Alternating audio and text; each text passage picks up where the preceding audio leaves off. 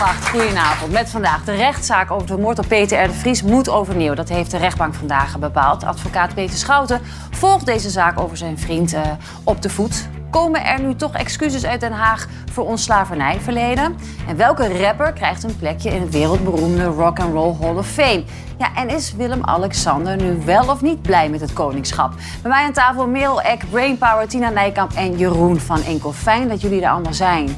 Het was vandaag de drukste avondspits van dit jaar. Hebben jullie daar iets van gemerkt, Tina? Nee, ik niet. Nee, jij komt gewoon hier uit het Amsterdamse. ik heb wel in de file gestaan, ja. ja niet echt opzienbaar, want het meeste ging allemaal richting uh, Amersfoort. Ja, het gaat altijd die andere kant op, Jeroen. In, in mijn geval gelukkig wel, ja. Story of my life. Ja, het is altijd van Amsterdam gaat het vaak naar het oosten, merk ik, in de avondspits. Ja, ik stond wel even in de file, terwijl ik kwam eigenlijk uit Amsterdam, in Amsterdam. Er was een groot ongeluk gebeurd. Ja, het, weet je, toen ik het hoorde, dacht ik, het zegt wel wat. Hè? We hebben natuurlijk al die lockdowns gehad. En je zou denken, uh, we hebben daarvan geleerd en iedereen gaat werken in eigen tijd. Je hoeft niet, we kunnen allemaal uh, hybride werken, het uh, nieuwe woord.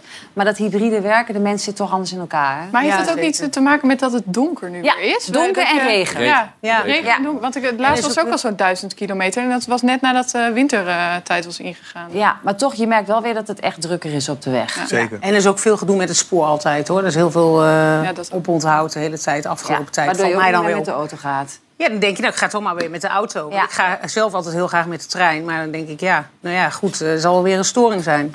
Pak toch maar weer de auto. Ja. Jeroen, hoe ben jij met hoofdrekenen? Uh, uh, niet zo heel erg goed. Brainpower, jij? Ja, dat ging me altijd wel makkelijk af. Ja. ja? ja? Want uit internationaal onderzoek blijkt dat bijna een kwart van de 15-jarigen het minimale niveau van lezen en rekenen niet haalt. De Onderwijsraad publiceerde daarom vandaag een advies over de beheersing van taal en rekenen in het onderwijs. En daarom onze stelling: hoofdrekenen is niet meer van deze tijd. Tina. Ja, nou, ik vind het wel van deze tijd eigenlijk. Ik vind het wel goed dat je je hersens traint. Uh, en ik denk dat je daar heel snel door gaat denken. Ik moet eerlijk zeggen, ik heb vandaag ook nog uh, moeten helpen met rekenen. Want mijn zoon uh, was thuis omdat de leraar was uitgevallen. Of de, meest, de juf. Hoe oud is, is je zo? Tien.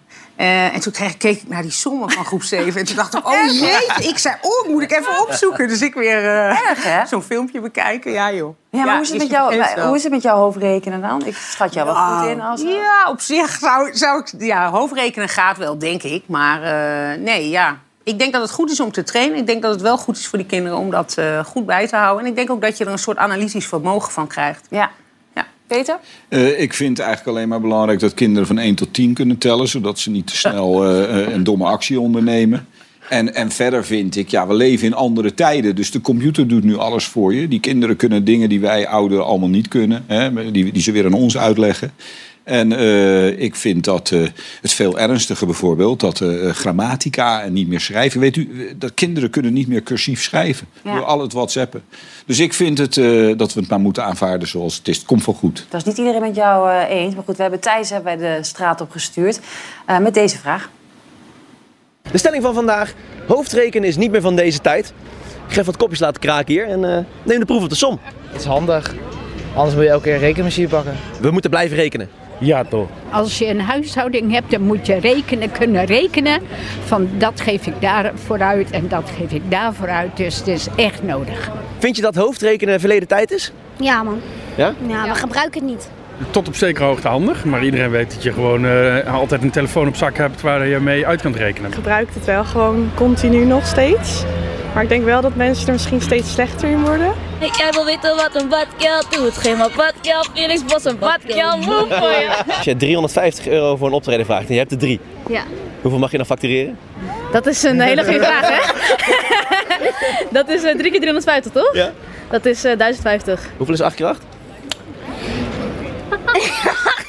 uh. 4 keer 3, een sommetje. Oh, oh 4 keer 3. 7 keer 8? 7 keer 8, 56. 8 keer 7? Uh, 64. Dat is 8 keer 8. Precies. 113 min 69. Uh, 44. Hij heeft er verstand van, hè? 3 keer 4? 12. 7 keer 7? 49. 70 min 13? Dat is uh, genoeg. ja, zo zie je maar. Hè? Ja, het is toch wel belangrijk dat we het leren, jongens. Zeker. Het eh, Hart van Nederland-panel stemde ook... en slechts 19% is het eens met de stelling. Dus dat is heel erg duidelijk. Hoofdrekening is niet meer van deze tijd. Nou, dat is 79% het echt oneens. Het kabinet gaat excuses maken. Het laatste nieuws zojuist binnen, eh, zag ik op de NOS... voor het slavernijverleden. Haagse bronnen beve- bevestigen dit aan RTL Nieuws NOS. Een beladen onderwerp die al heel lang ter discussie staat, Merel. Ja. Verraste jou dit? Eh, nou ja, wel dat het nu eh, naar buiten komt. Ze hebben in eh, juli, juni, juli al gezegd dat ze in het najaar waarschijnlijk met een definitief besluit zouden komen. Maar dit speelt al heel lang. Dit is echt al in 2020 kan ik me nog eh, eh, debatten herinneren die er heel fel aan toe gingen. Dat ging dan over racisme.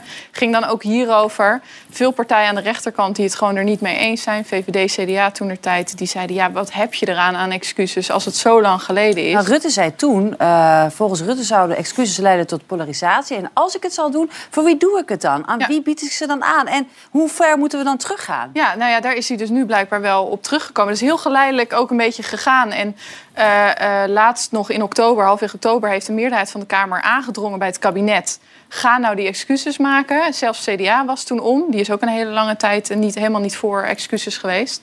Maar volgend jaar is een heel belangrijk jaar voor dat slavernijvlees 150 jaar eh, geleden. En eh, dat gaan ze, daar gaan ze ook een speciaal jaar van maken. En in dat kader waarschijnlijk hebben ze nu dus ook besloten om, eh, om dan toch maar excuses te maken. Wat, wat betekenen excuses in deze eigenlijk? Nou, dat is dus de vraag die veel van de rechterflankpartijen zich ook afvragen. Die vinden het onnodig. En die vragen zich ook af, wat, wat gaat dat dan betekenen? Heb je dan recht op herstelgelden bijvoorbeeld? Hè? Kunnen mensen aanspraak maken op geld? Nou, dat lijkt eh, niet zo te zijn, omdat het juridisch gezien... maar dat, dat, daar weet Peter misschien Ja, ik zie al, ja, veel te lang geleden is. Dus dat kan niet.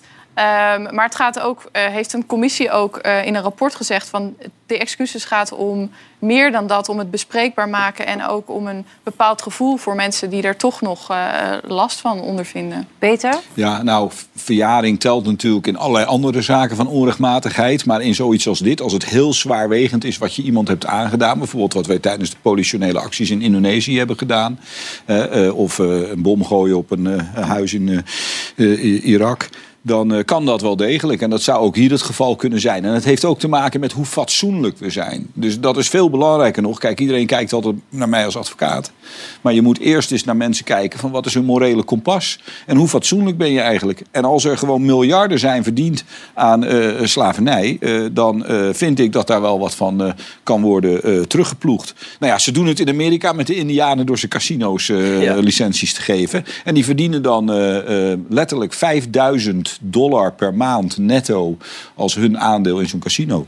Nou, dat zouden we in Nederland ook eens eh, moeten eh, doen, zoiets verzinnen. Maar ze hebben geld vrijgemaakt. Tenminste, dat, dat gaan ze bekendmaken. Hè. Dat zijn nu bronnen die dat Ja, zeggen. Maar twee- 200 miljoen, Ja. Eh, waar gaat dat dan naartoe? Dat, wat- Dat, is onder andere, eh, hè, dat, dat bevestigen dus bronnen aan RTL Nieuws. eh, die zeggen dat gaat dan naar onderwijs, meer onderwijs, meer bewustwording. Ze hebben ook 27 miljoen, dan gaan ze waarschijnlijk dus vrijmaken voor een museum over het slavernijverleden. Want dat is het meer, hè? Die excuses zitten hem ook vooral in het erkennen van, Maar toch? dat is het. Dat is het. Brainpower. Ja. Ja, het is natuurlijk, het is, wat jij zegt, fatsoen is één ding. Maar er is ook zoiets als de waarheid. En, en hoe langer je dat onder stoelen en banken steekt, hoe slechter het voor iedereen is. Want als je echt van je medemens houdt, erken je wat er fout gegaan is en wat er niet goed zit. Dus een excuus komt laat, beter laat dan nooit. Maar niet alleen in woord en ook in daad. Dat vind ik als artiest en als mens wel heel essentieel. Want dat wegwuiven is al lang genoeg gebeurd. En het is niet alleen dat mensen er last van hebben om het altijd emotioneel te maken. Dat is ook zo. Maar het is ook in structuren zit het ook verweven natuurlijk nog steeds. Er is een ripple effect. Het is gewoon Wat bedoel je daarmee? nou, wat ik daarmee bedoel is, als er iets gebeurt, zijn er heel veel effecten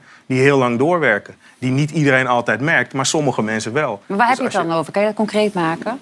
Nou ja, natuurlijk. Ik bedoel, racisme is toch nog niet weg? Nee, ja, precies. Dus gewoon Kunnen vandaag en ik dag... kan er wel zeggen, kijk, weet je het is? Ik heb tinnitus, dus dat is oorzuizen. En mensen zeiden vroeger altijd van, ja, maar ik zie, zie niet dat jij een wond hebt. Dus wat zei ik je nou dat je ergens last van hebt? Als jij de wond van een ander niet ziet, betekent niet dat daar pijn zit. Ja. En ook dat daar conclusies uitgetrokken kunnen worden. Dat mensen nog te maken hebben met praktische dingen. Die wij, of daar- die, die, laat ik zo- niet wij of zij, Eén groep merkt dat niet en da- voor de ander is het er wel. Als je echt van elkaar houdt, ga je uitvogelen... oké, hoe gaan we dat samen oplossen? En niet vanuit één oogpunt. Dat vind ik. Peter, Dit is de nieuwe Bono. Ja.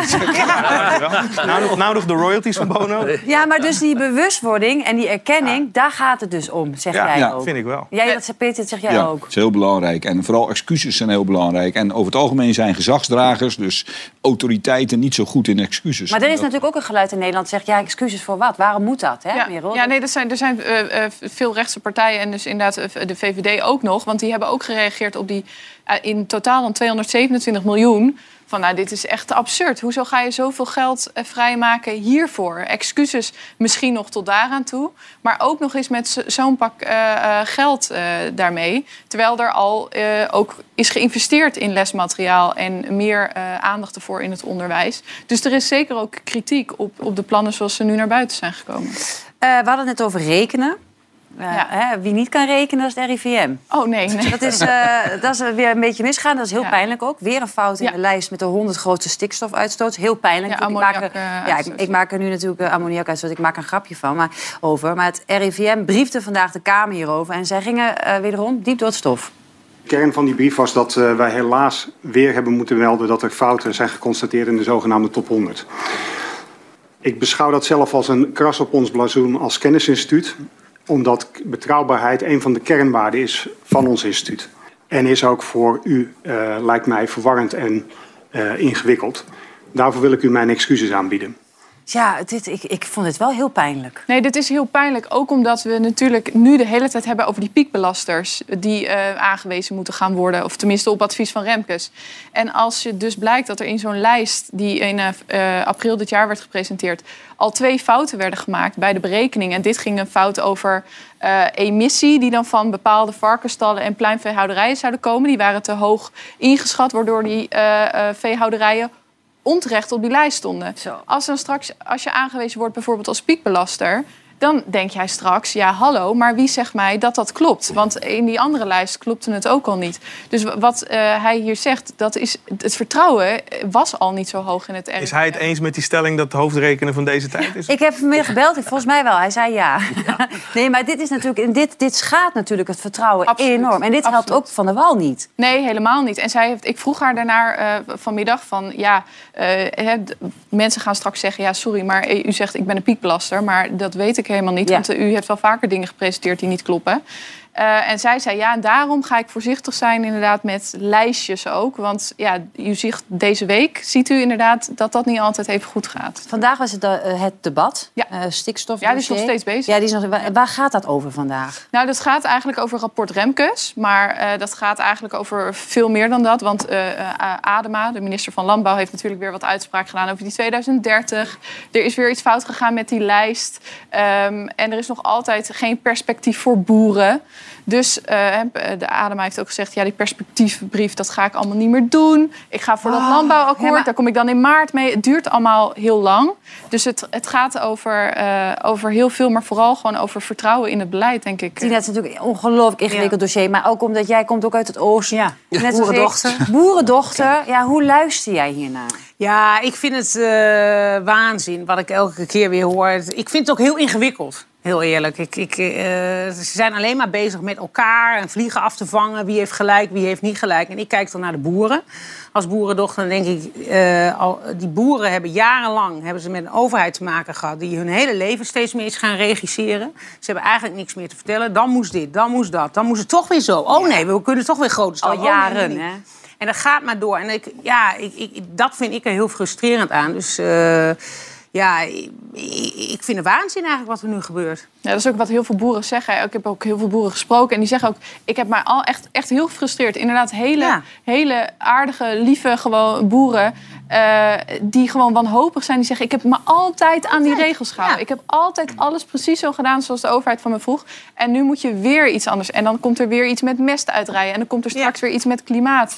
Dus zij zijn ook gewoon een wanhoop nabij. En dat zijn Remkes ook. Dit zijn hele redelijke mensen die gewoon van wanhoop En niet meer dat weten onderling het maar niet eens zijn, hè? Over, hè? Nee, dit, dat, zo begon het debat vandaag ook. Iedereen begon elkaar weer aan te vallen. Ja. En Maar dat is de hele tijd. Ze zitten alleen maar met elkaar, zijn ze ook de hele tijd bezig. Die is fout, die is fout. Dan denk ik, ga gewoon eh, aan het werk de boeren hebben in, in principe niks aan wat er op dit moment in het debat eh, is besproken. Weet je, ze hebben nog steeds geen perspectief. En dat is waar heel veel boeren gewoon naar op zoek En komt zoiets nou vandaag in het debat wel naar boven... dat, dat ze gaan zeggen, joh, we komen nu weer, weer wat, met, wat meer duidelijkheid? Of is het gewoon Ik, denk niet, ik vrees niet vandaag. Ik denk dat ze gaan aangeven dat ze rond 25 november, eind deze maand, met een soort tijdspad komen waarin ze dan gaan zeggen: hé, hey, zo gaan we het een beetje doen.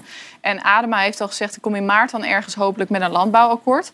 Maar dan zijn ook de provinciale statenverkiezingen in maart. Maar jullie missen belangrijk nieuws hè? vandaag. De Raad van State, het hoogste adviesorgaan en ook een hele hoge rechter in dit soort zaken, heeft eh, gisteren gezegd Ja. van eh, de, het- jullie doen het niet goed, regering. Die stikstofuitstoot en vooral die ammo- ammoniakuitstoot die is te hoog. Dus nu leggen we al het bouwen definitief plat, want jullie toekomstige beloftes dat je het wel zult oplossen, die kloppen niet meer. Dus als we hier de hele tijd over boeren praten, dan moeten we ook praten over ouders die straks zien dat hun kinderen geen huizen meer hebben, omdat die niet meer gebouwd worden. Ja. En dus is dat heel erg complex. En er werd gezegd, er zijn geen oplossingen voor. Maar ik vind gewoon dat er de laatste jaren niet goed is nagedacht over alles wat er op ons afkomt. Je Ik zou... denk, maar Peter, ik denk niet dat je daar alleen in staat in deze visie. Nee, maar goed, het was omdat het hier veel over de boeren ging. En de boeren zijn natuurlijk heel erg goed bezig in de zin van dat wij veel produceren en een heel belangrijk land zijn op het gebied van de agro-industrie. Maar het gaat om heel veel andere dingen. En als wij die, de, de, de stikstofuitstoot niet verminderen, dan hebben we hele grote problemen in dit Ja. land. En dan mogen we dus niet alleen maar naar die boeren kijken. Ik wilde niet eh, deze discussie. eh, Nee, maar dat zeg ik ook Maar dat zegt ook niemand aan tafel hier, hè? Nee. Nee, het is, er wordt voor- vooral naar de boeren gekeken omdat die eh, eh, volgens de berekening de grootste uitstoter van ammoniak zijn. Ja, ja. En daar dus de meeste stikstofwinst te behalen valt eh, volgens het kabinet. En eh, daarom is, wordt er nu heel veel naar de boeren gekeken. Er is ook een kritiek overigens hoor, dat, dat men zegt... je moet ook naar de andere sectoren kijken. Kijk naar Schiphol, kijk naar Tata Steel, kijk Ja. naar andere En dat wordt ook echt wel meegenomen. Het gaat alleen ook om die fout van het RIVM, wat het weer extra pijnlijk Ja. maakt. En alle fouten die worden gemaakt en iedereen die weer over elkaar heen buitelt. Tina, iets heel anders. Jij was hoofdredacteur van Shownieuws, directeur SBS6, omroepvrouw van het jaar. Eh, wat heel veel mensen niet van jou weten, is dat jij ook nu eh, een studie rechten aan het volgen bent. En je hebt een scriptie geschreven over onrechtmatige publicaties. Ja, dat klopt. En dat komt een beetje ook, dat heeft, dat heeft ook raakvlakken met wat er vanda- deze week gebeurd is met Albert Verlinde en Umberto Tan. Die heeft deze week een boete opgelegd gekregen vanuit het OM. eh, omdat hij Umberto ergens van beschuldigd. Hij zei namelijk toen het volgende. Ik weet dat ik hier wel een, een, een, een, een bommetje mee gooi. Maar in 2015, 2016 eh, had Umberto Tor, eh, Tan zijn talkshow. En het is binnen RTL een, een, een, een, een, nou ja, ook wel bekend op dat moment dat Umberto de neiging had om vrouwen die leuk waren, om daar contact mee te zoeken na de uitzending. En waarom vertel ik dat nou? Niet om, niet om Umberto te naaien, maar omdat ik weet dat er mensen met het programma weg zijn gegaan die zeiden: het lijkt wel of ik meer een datingshow zit te produceren dan een talkshow. Ja, hij heeft dus nu een boete gekregen. Ja, ja, Hoe- terecht. ja, hoe keek je... Ik neem aan, jij ziet namelijk alles op televisie. Jou ontgaat helemaal niks. En helemaal niet eh, natuurlijk bij deze zender, want hier ligt ook jouw hart. En het is misschien ook wel een beetje jouw kindje, dat vul ik nu voor jou in. Maar heb je dit toen zo gezien? Zat je thuis te kijken? Ja, ik heb dit toevallig gezien. Eh, en eh, ik dacht al meteen, nou, ik weet niet wat jij allemaal aan het beweren bent, Albert Verlinde. Maar eh, volgens mij wat jij nu zegt, eh, kan je één in hele grote problemen eh, brengen. En volgens mij is het ook totale onzin. Ehm, maar goed, dus eh, juridisch gezien is het natuurlijk zo dat je, hè, is het recht van vrijheid van meningsuiting is een heel groot goed. Dus je mag op zich in Nederland gelukkig heel veel zeggen. Ja. Maar er zit natuurlijk wel een grens aan. En het recht op privacy, op het privéleven, bescherming van je reputatie is ook heel belangrijk. En de rechter weegt dan af wat is belangrijker. Is dat vrijheid van meningsuiting of eh, het recht eh, van eh, je privacy en je reputatie? En nou, in dit geval is geoordeeld dat natuurlijk Albert Verlinde alle perken te buiten is gegaan en dat Umberto gewoon gelijk heeft. En dat zegt natuurlijk wel wat, hè? want het gaat natuurlijk over shownieuws. Je hebt ook een RTL Boulevard waarin veel vrijheid wordt genomen... om dingen te kunnen Ja. roepen en zeggen Mhm. over Mhm. presentatoren, over bekende mensen. Dus wat zegt deze uitspraak? Nou, eh, dat volgens mij, Albert Verlinde, hij heeft ook wel daarna al meteen gezegd... ik had dit nooit moeten Diep door het stof is hij Diep door het stof. En hij Meerdere malen? Ja, dus het het is denk ik in een vlaag van verstandsverbijstering eh, gebeurd. Ik moet eerlijk zeggen, Kijkcijfers misschien? eh, Ja, die, ja, ik weet niet wat er aan de hand is. Of dat, dat weet ik niet. Dat zou je aan hem zelf moeten vragen. Waarom die dat dan op dat moment zulke gekke onzin uit zat te kramen. Maar ik weet zelf ook, kijk, ik heb bij Shownieuws gewerkt. En eh, we hadden zelf natuurlijk ook wel eens een afweging. Zenden we het uit of zenden we het niet uit? Bijvoorbeeld toen eh, Amalia, eh, toen zij nog klein was... was er een filmpje opgedoken uit een gestolen camera van Maxima. En ja, ja, er was een filmpje en daar zat zij samen met haar ouders... klap eens in je handjes, nou, dat liedje te zingen. En toen was de vraag, zullen we dat uitzenden? We hebben toen besloten om dat uit te zenden. En hebben daar ook een boete voor gekregen. Dat was ook onrechtmatig, omdat dat natuurlijk uit een gestolen camera eh, Heb je daar En- nooit dan bezwaar over gevoeld? eh, nou, toen, ik heb toen de afweging gemaakt, eh, toen de tijd, hè, dit, we hebben het over, echt over heel lang geleden, over 18 jaar geleden.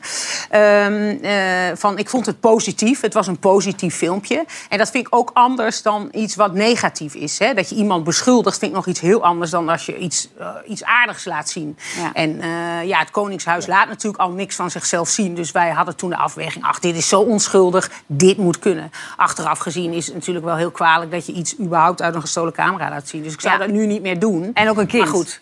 Dat heeft ook nog, dat heeft Ja, ook nog ja. niet? Nou ja, goed, we hadden haar natuurlijk wel gezien al op familieportretten. Het was Ja. niet dat, dat ze helemaal hè, onbekend was, omdat ze natuurlijk ja, de kroonprinses eh, is. Wat is zo'n boete dan, de hoogte? Nou, dat is toch Weet in? Nederland eh, rond de, ja, vaak rond de 5000 euro. Oh En dat is natuurlijk wel kwalijk in Nederland. Dat veel eh eh, roddelbladen en zo dan ook denken... nou ja, we publiceren wel gewoon. En dan hoop ik eh, dat we ermee wegkomen. Nou moet ik wel zeggen dat het wel steeds strenger wordt, hoor. Toch? Maar goed, Peter weet daar iets meer van. Want die is al afgestudeerd. Maar, Maar eh, dit is eigenlijk kinderspel met, met wat er nu over de hele breedte gebeurt op het eh, gebied van... Hoe heet dat nou, die term waar jij eh, op studeert? In ehm, Onrechtmatige publicaties. onrechtmatige publicatie. Dat, dat, dat is toch schering en inslag? Dat is Bedoel je nu met de Juice-kanalen? Roddelpraat, Yvonne Kolderweijer, Nou, allemaal ja. dat soort... Dat is toch eigenlijk hetzelfde? Nou, dat, dat, dat is de vraag. Want dat is natuurlijk pas zo als het voor de rechter is geweest. Want die bepaalt of het een onrechtmatige publicatie is. Yes. Maar jij, jou viel nog iets op, hè? Ja, nou ja, in de eerste aan, plaats... aan deze boete. nieuwe mediaafdeling bij Schouten Lico advocaten kan ze straks Oh. invullen.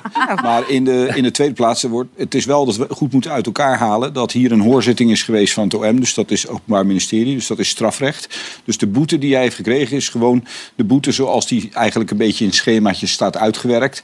Eh, en dat is meestal maar 500 euro. En die boete gaat naar het Openbaar Ministerie. Dus niet naar eh eh Dus gaat, dat gaat naar het OM. Dat gaat naar het OM. Dat is, want de, dus zeg maar waar, waar jij over spreekt, dat is een schadevergoeding.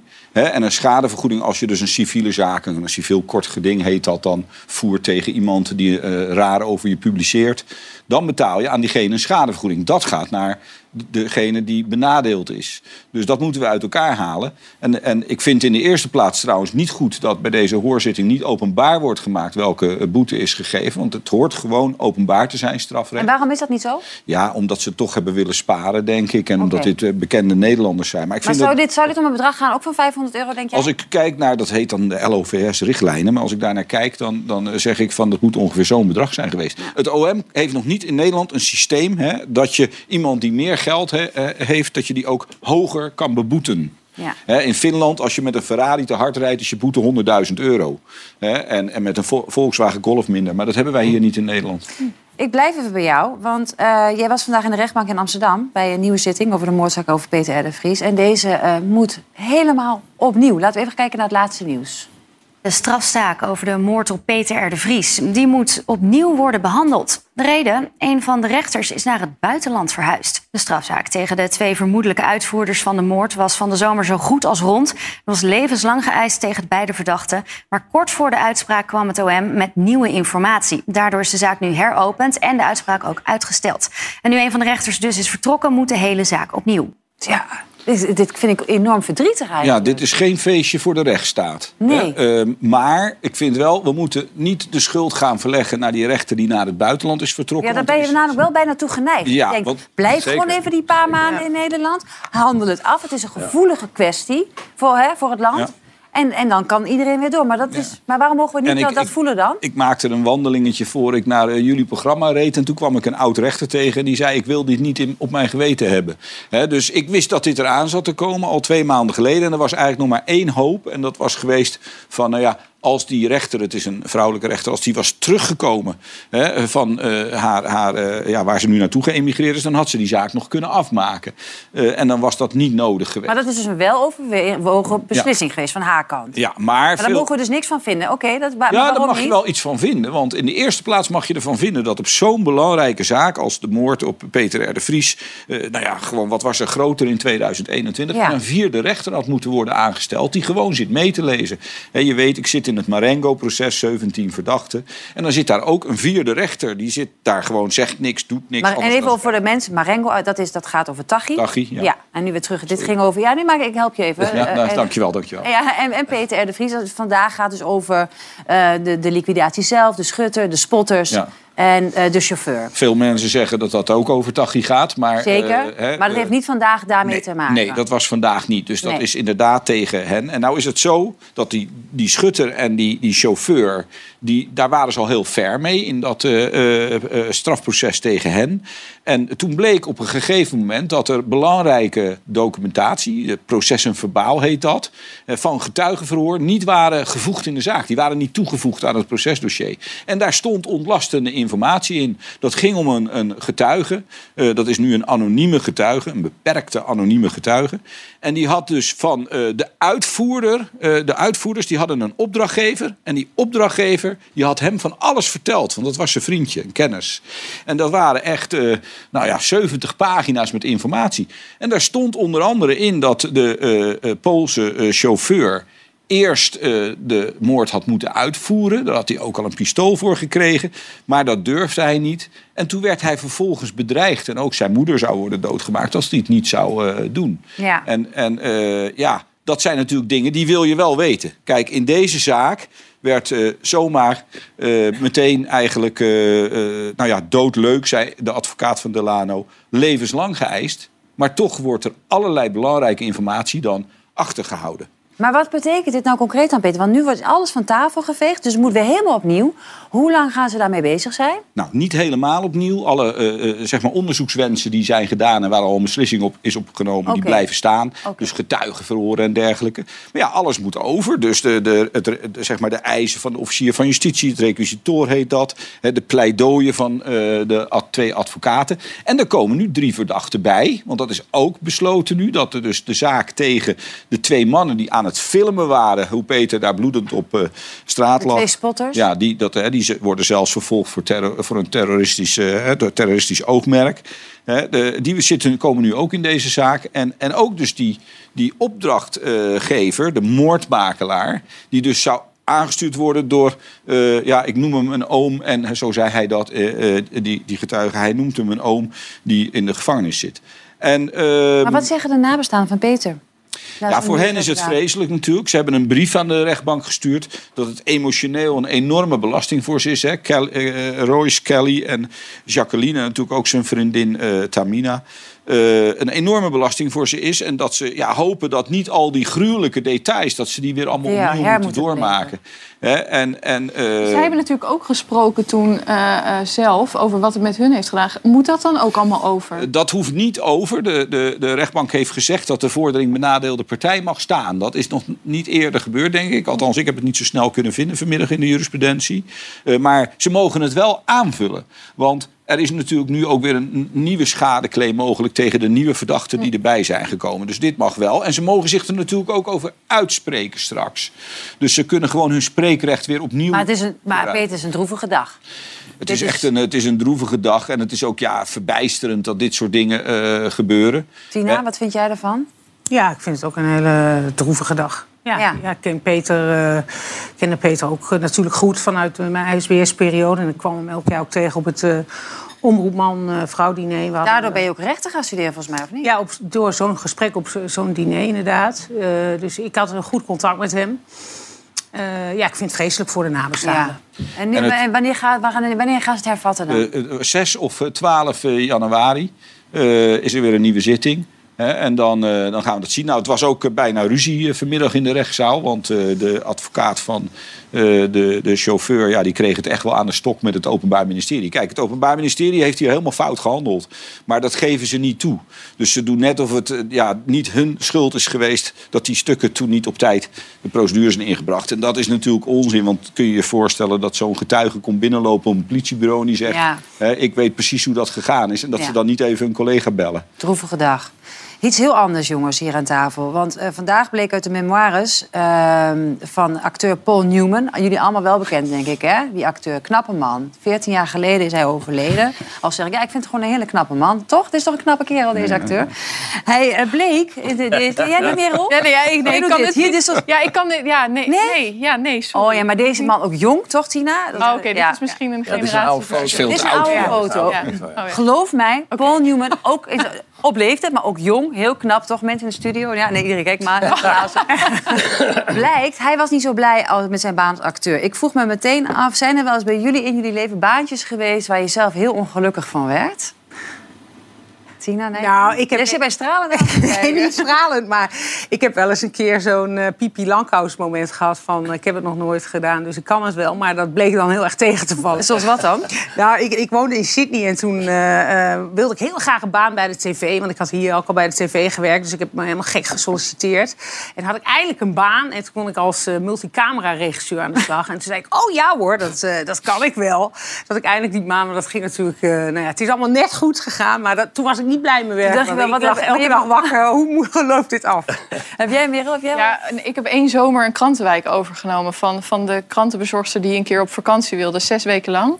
Ik heb zoveel respect voor krantenbezorgers gekregen toen. Dat is, dat is zo vers- Nou, punt één, super vroeg opstaan. Heel vroeg. En- Vier uur, denk ik? Of Ja, zo? ja Half na de- half vier de wekker Ja. en dan in de kra- krant ergens ophalen en dan gaan rond. En dan moet je dan ook allemaal eigenlijk uit je hoofd kennen. Want anders zit je elke keer op je papiertje te kijken. En als het dan regent. Ja. En dan de klachten van mensen Ja, die dat is- binnenkomen dat hun de krachten nat de klachten is Ja, je nog zo je best Ja. wat meer eh, Ja. respect voor de krantenbezorger. Absoluut. En jij, absoluut. Ja, ik heb meestal wel lol gehad in allerlei bijbaantjes, omdat je dan ook weer wat leert. Maar er was één keer dat ik soort bollenpellen, stekjes verplaatsen-achtige kastbaan had. En daar ben ik na drie uur weggelopen met 15 gulden die ik toen verdiende. En dacht van ja, dit is wel goed zo. Ja, ja, ja. Gelijk uitgegeven aan Plato. Peter? Ja, nou, ik heb eh, advocatenbloed door mijn aderen eh, lopen. Dus ik vind het een leuke baan. En het heeft nu wat eh, rare bijwerkingen. Ja. Hè, met al die lijfwachten. En eh, het enige voordeel is dat ik nooit in een file hoef te staan. Jij hoeft Dat nooit is- in de Ik file? hoef nooit in de file Echt te staan. niet? Jij Nee, gaat er gewoon nee. langs heen? Wij gaan er langs, ja, want ik mag niet stilstaan. Zwaar lig je op het... eh, Zwaar ligt Ja, daar gaat ja, dus dat is, maar dat is ook echt het enige voordeel. Dus al die bijwerkingen, die, die, eh, ja, die, die tikken wel zwaar aan. En toch vind ik het niet erg. Hè? Ik heb ervoor gekozen. Dus het is geen eh huilie-huilie. Het Nee. moet gewoon doorgaan. Nee, maar goed, het heeft wel een eh, behoorlijke invloed op jouw leven. En Jeroen, jij zat waarschijnlijk zoals elke radio-dj ergens op een zolderkamer vanaf je derde Ja. met bandjes in de weer. Ik Is heb- dat zo? heb- Want ja. dat hoor je elke, altijd elke radio-dj zeggen. Ja, Ja, ja, ja. dat is waar. Er zijn nog foto's van. Ja, ja, ja. Ik had, mijn vader had ooit een bar voor mij gebouwd in mijn kamer. En eh, dat vond ik gezellig. Er werd geen alcohol geschonken, want ik was tien of zo. En die werd al rap omgebouwd tot een discobar. Dus gewoon een gat in het midden met een mengpaneeltje en een microfoon. Nou ja, en zo bouw je steeds verder. Dus deze gedachte van dat, dat je een hekel hebt aan je werk... die komt mij niet eh, bekend voor. Nou, het, eh, het Hart van Nederland panel stemde 24% van de werkenden is niet blij met zijn werk. En 73% is daarmee eh, oneens. Ja, 24% nog steeds wel. Ja, eh, kwart zich, ja, is nog steeds hoog. Dus eh, wel wat treurig. Ja, over, over werk gesproken. Ja, deze man heeft er niet om gevraagd. Hij is gewoon koning. eh, om, hè, dat, dat ben je gewoon. Dat is niet een vraag. Ja, je kan er altijd afstand van doen. Ik denk niet dat hij dat doet. Maar ik had deze week nou niet echt de indruk dat hij heel erg blij is met zijn positie. Dat kwam ook een beetje natuurlijk door de scherpe vragen van de pers. Nou, u weet dat het kabinet een brief heeft gestuurd ehm, over eh, de situatie in Qatar en de aanwezigheid van leden van de regering, waar ik er dus ook één van ben. En daar laat ik het verder bij. Wat voor gevoel geeft het u straks als u op een tribune staat en u weet hoe die tribune tot stand is gekomen?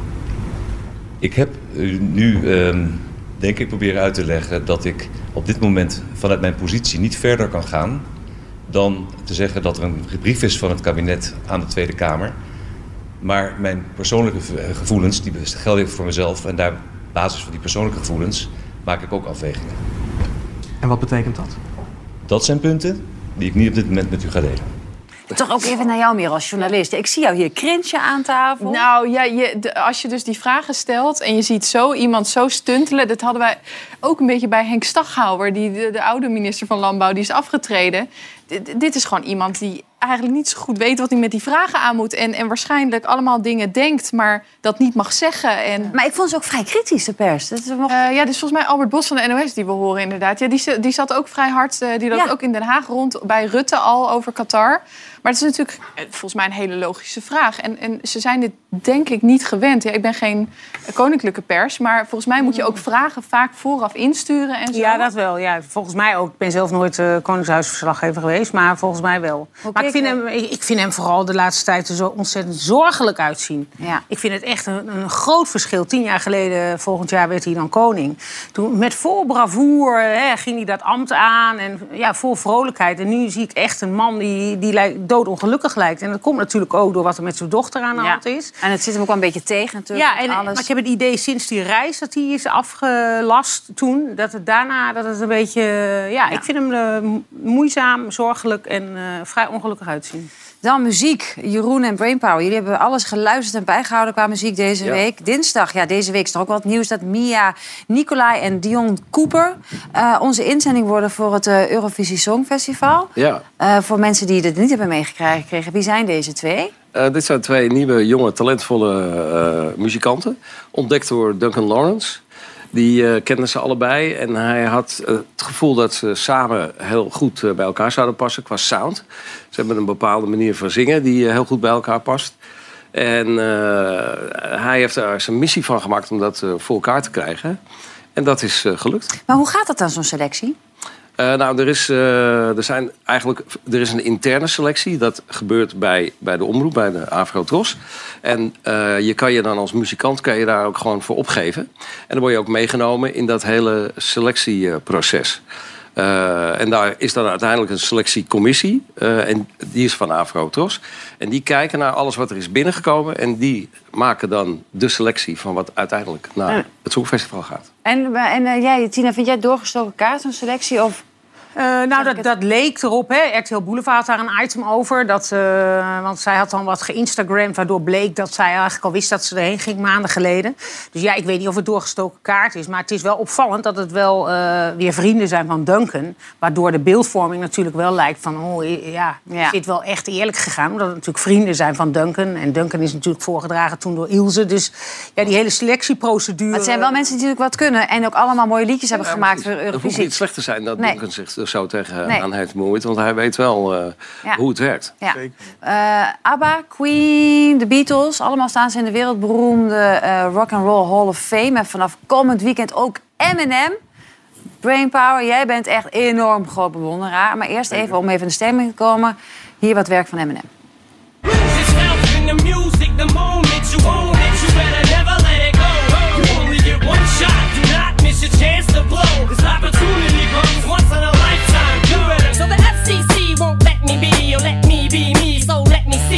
Try to shut me down on MTV, but it feels so empty without me. Sing the chorus and it goes. I'm Slim Shady, yes I'm the real Shady. All you other Slim Shadys are just imitating. So won't the real Slim Shady please stand up?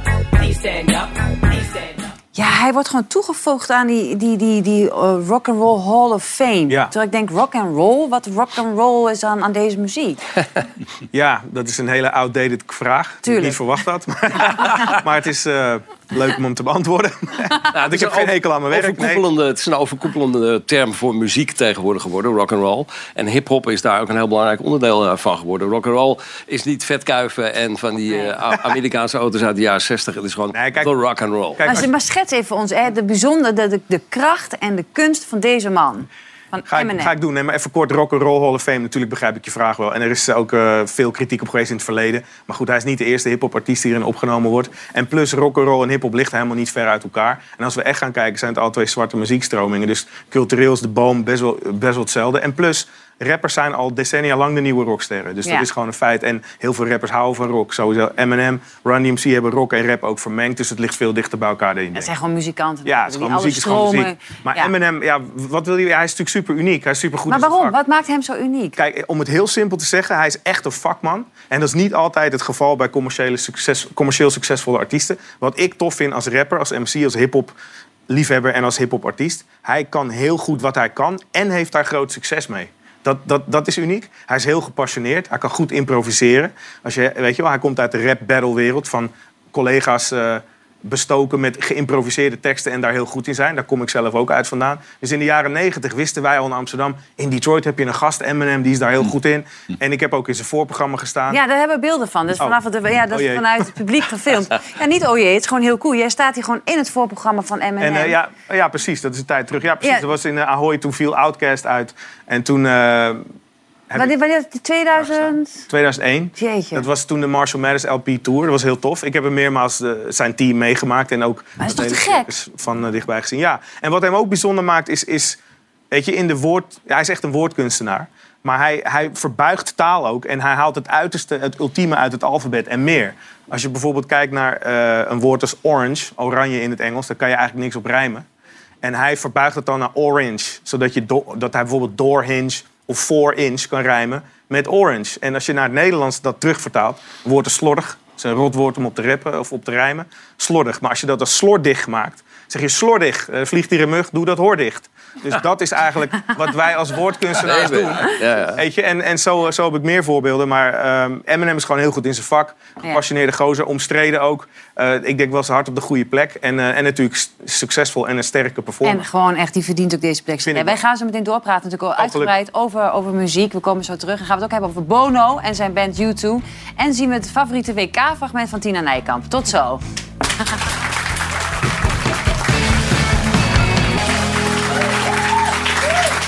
Welkom terug bij half acht. Ja, eerst eh, nieuws dat zojuist bekend is geworden. Het kabinet heeft de Britse complotdenker David Icke de toegang tot ons land geweigerd. Icke zou komen spreken op een anti-overheidsprotest zondag in Amsterdam. Maar dat gaat dus niet meer door. Peter. Ja, slechte zaak. Hij gaat nu waarschijnlijk ook gewoon op een videoscherm op een museumplein komen. Kunnen ze niks aan doen. We moeten de vrijheid van meningsuiting gewoon breed en groot houden. Ook als het om gekken gaat die in eh, reptielen geloven die de wereldmaatschappij vormen. Gewoon niet Vrijheid van... Nou, ze hebben gezegd geweigerd omdat zijn komst een risico voor de openbare orde zou vormen. Ja, dat is omdat hij de grote uitvinder van de reptiele eh, zeg maar, theorie is. Maar jij hij zou is gewoon het. wel laten komen en wel laten spreken. Tuurlijk, altijd. Wat zeg Ja. jij? Ja, ik, ik, eh, ik zou zeggen, het is goed dat hij niet komt. Want het gaat zoveel sores eh, geven. Onrust, hè, wat een van de redenen ook is, die wordt aangevoerd. Je krijgt gewoon ellende. Want als zo'n man er is, dan krijg je een kettingreactie... dat iedereen die zeg maar, hem volgt... eh, eh, gekke dingen kan gaan doen om maar, zeg maar in, die, eh, me- in die melee mee te gaan. Ja. Maar goed, het is nogal een, het is nogal een, een, eh, een keuze hè, die ze nu hebben gemaakt... Ja. door hem niet uit te nodigen. Het past, laat ik zo zeggen, niet in een land als Nederland... waarin wij vrijheid van meningsuiting ook een groot goed vinden. Maar goed, daar gaat natuurlijk nog veel meer nieuws over naar buiten komen... en dat zullen we morgenavond bespreken. Ik wil het graag hebben over Bono. Ja, het boek Surrender. Ja, dikke pil. Nou, deze man staat er nog niet echt bekend om dat hij heel bescheiden is. Zeker niet, daarom is het ook een heel dik boek. Ja, het is ook Want, geen dun eh, boekje. Ja, Maar het is, eh, wat ik las in de recensies over dit boek... is dat ze vinden dat hij heel kwetsbaar durft te zijn... en Ja. juist zichzelf wel op de hak durft te nemen. Ja, dat klopt. Eh, hij gebruikt eh 40 liedjes van U2 eh, om zijn levensverhaal te vertellen. En hij spaart zichzelf niet, want hij heeft het onder andere over zijn eh, witte Messias-complex, eh, waar hij natuurlijk eh, ja, volgens velen aan, eh, aan leidt. Eh, dat hij zeker niet onbescheiden is. Het komt er ergens vandaan, want hij is eh, vroeger in zijn jeugd genegeerd door zijn vader, die trouwens eh, ook een prachtige zanger eh, was. Eh, zijn moeder, eh, daar, eh, daar, eh, daar had een goede band mee, maar die overleed toen hij eh, 14 was. of zo. 14 jaar jong. En eh, allemaal dat soort dingen bespreekt hij eh, in dit boek heel open en eerlijk. Ook over zijn woedeaanvallen, de, waar hij echt last van schijnt te hebben. Ook eh, dingen als bijvoorbeeld waarom ze ervoor gekozen hebben om hier in Nederland hun belasting te betalen. Ontduiken. Ontduiken. Ja. Ja. dat is misschien een beter woord. En dat hij daar achteraf misschien eh, ook wel spijt van heeft. Hè? Dus een zakelijke benadering van dingen. De misser met het gratis album wat ze hebben beschikbaar Oh, ja. gesteld toen met eh, iTunes. Ja. Eh, dus hij spaart zichzelf niet. En de kritiek is dat hij soms wel heel erg uitwijdt. Hè, dat, dat, dat, daar is hij ook wel onbekend, hè, ja. Vandaar ook deze dikke pil. Precies. En hij is natuurlijk heel geëngageerd. En daar worden de mensen om hem heen soms een beetje gek van. En dat komt ook ter sprake. Maar jullie beiden, ook jij Brainpower, toen Ja. jullie vroegen vandaag... wat is nou een lievelingsnummer eh, van jullie? Ze kwamen hier allebei met Sunday, Bloody Sunday. Ja. Waarom is dat zo'n eh, ontzettend goed nummer? Nou, ik vind U2 een hele goede band. En Bono vind ik ook interessant. Ik heb dat boek nog niet gelezen. Omdat hij natuurlijk eigenlijk net als Eminem uit een perspectiefloze situatie komt. En muziek was de redder en, en de escape, de ontsnapping. Dat vind ik heel tof. Waarom?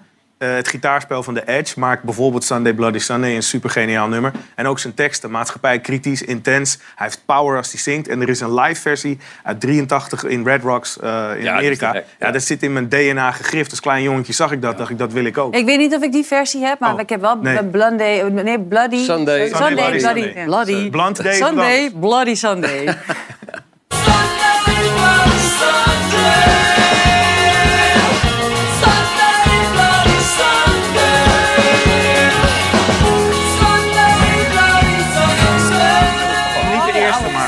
Dit is een- wel een van de meest... Het is natuurlijk, en als je er al die liedjes vandaag weer van zit te luisteren, dan, Ja. dan, dan Ja. gaat het natuurlijk toch alweer kippenvel. Eh, iets heel anders, want Mariah Carey werd deze week aangeklaagd voor plagiaat, Jeroen. Ja. En toch wel en toch weer niet. Eh, precies, want het ging niet zozeer over de melodie, melodielijn van eh, All I Want For Christmas. Dat nummer dat we niet meer kunnen horen. Ach, alsjeblieft. Ja, jij wel, ja, natuurlijk wel. Oh, ja. en het is 1 november geweest, dus mag weer. Ja, ze mag weer. het is weer te horen. Nee, Maar- het gaat om de titel. De titel is eh, door een eh, country-artiest eh, verzonnen, althans dat werd geclaimd. Eh, en ehm, vandaag eh, heeft de rechter een uitspraak eh, gedaan over dat hij daar niet mee eens is. Dus de claim is van tafel. Het is Ah, wel zo natuurlijk dat vandaag de dag, dat hebben ze ook wetenschappelijk bewezen, is het nog heel moeilijk om qua muziek nog iets te verzinnen in melodielijnen wat nog nooit eerder helemaal gedaan is. Nou, en daar kwam Tina Nijkamp toch vanmiddag ineens met iets wat haar bezighoudt. Ja, nou ja, dat klopt. Dat, eh, eh, ik heb daar ook over geïnstagramd. Want eh, wat schetst mijn verbazing toen ik naar die liedermuziek van Arjen Lubach hoorde, dacht ik, nou, ik ken dit. Ik ken dit muziekje ergens van. En het deed mij dus heel erg denken aan de liedermuziek van Even tot hier, dat populaire programma wat een televisiering heeft gewonnen. Toen dacht ik, nou, ligt dat nou aan mij? Ben ik de enige die dat vindt? Nou, ik kreeg toch wel heel veel reacties dat heel veel mensen dat op elkaar, eh, dat die twee nummers op elkaar vonden lijken. We hebben hier twee mensen met muzikale oren. Laten we eerst even de, de intro van eh, Arjen Lubach horen. En daarna van even tot hier. Dan kunnen we even kijken of we inderdaad vinden dat die twee stukjes op elkaar lijken.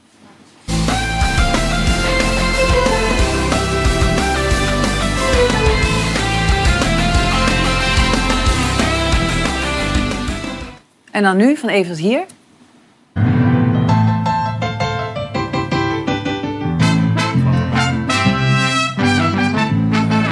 Nee. Nee. ik, ik, ik hoor het niet. eh. Ja, hier dit. Oh, hier dit? Ja. Ja, dit Zijn dezelfde componisten of wat is het? Nee. Nee? Nee, en volgens mij, wat ik mij heb laten vertellen... is dat eh, Arjen Lubach het zelf nog even ook gecomponeerd... volgens mij zijn eigen lieden. Tenminste, daar ga ik ook wel van nee, want zo creatief is hij.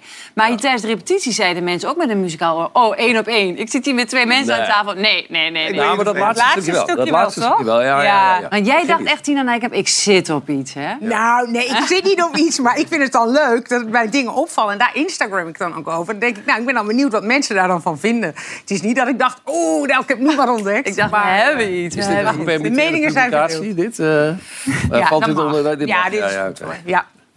Tot slot, eh, mocht je eh, verhalen horen, willen horen van jou, Brainpower... dan kunnen mensen naar het theater voor Ja, ik ben momenteel op theatertour tot en met volgend jaar mei eh, met de Story of Hip Hop over de geschiedenis van hip hop en meer. En dan, waar kunnen ze naartoe dan, om eh, eh, daar meer informatie over te vinden? mcbrainpower.nl, mijn website.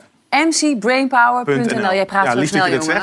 Ja. check dat Ja, vooral, want er zijn dus originele kaarten. dingen, Ja. geen nagespeelde dingen. Ik dank jullie allemaal voor de komst naar de studio. Eh, morgen zitten Frits Barend, Roos Slikker en Pierre Bokma bij mij aan tafel. Ik wens jullie een hele fijne avond. Tot morgen.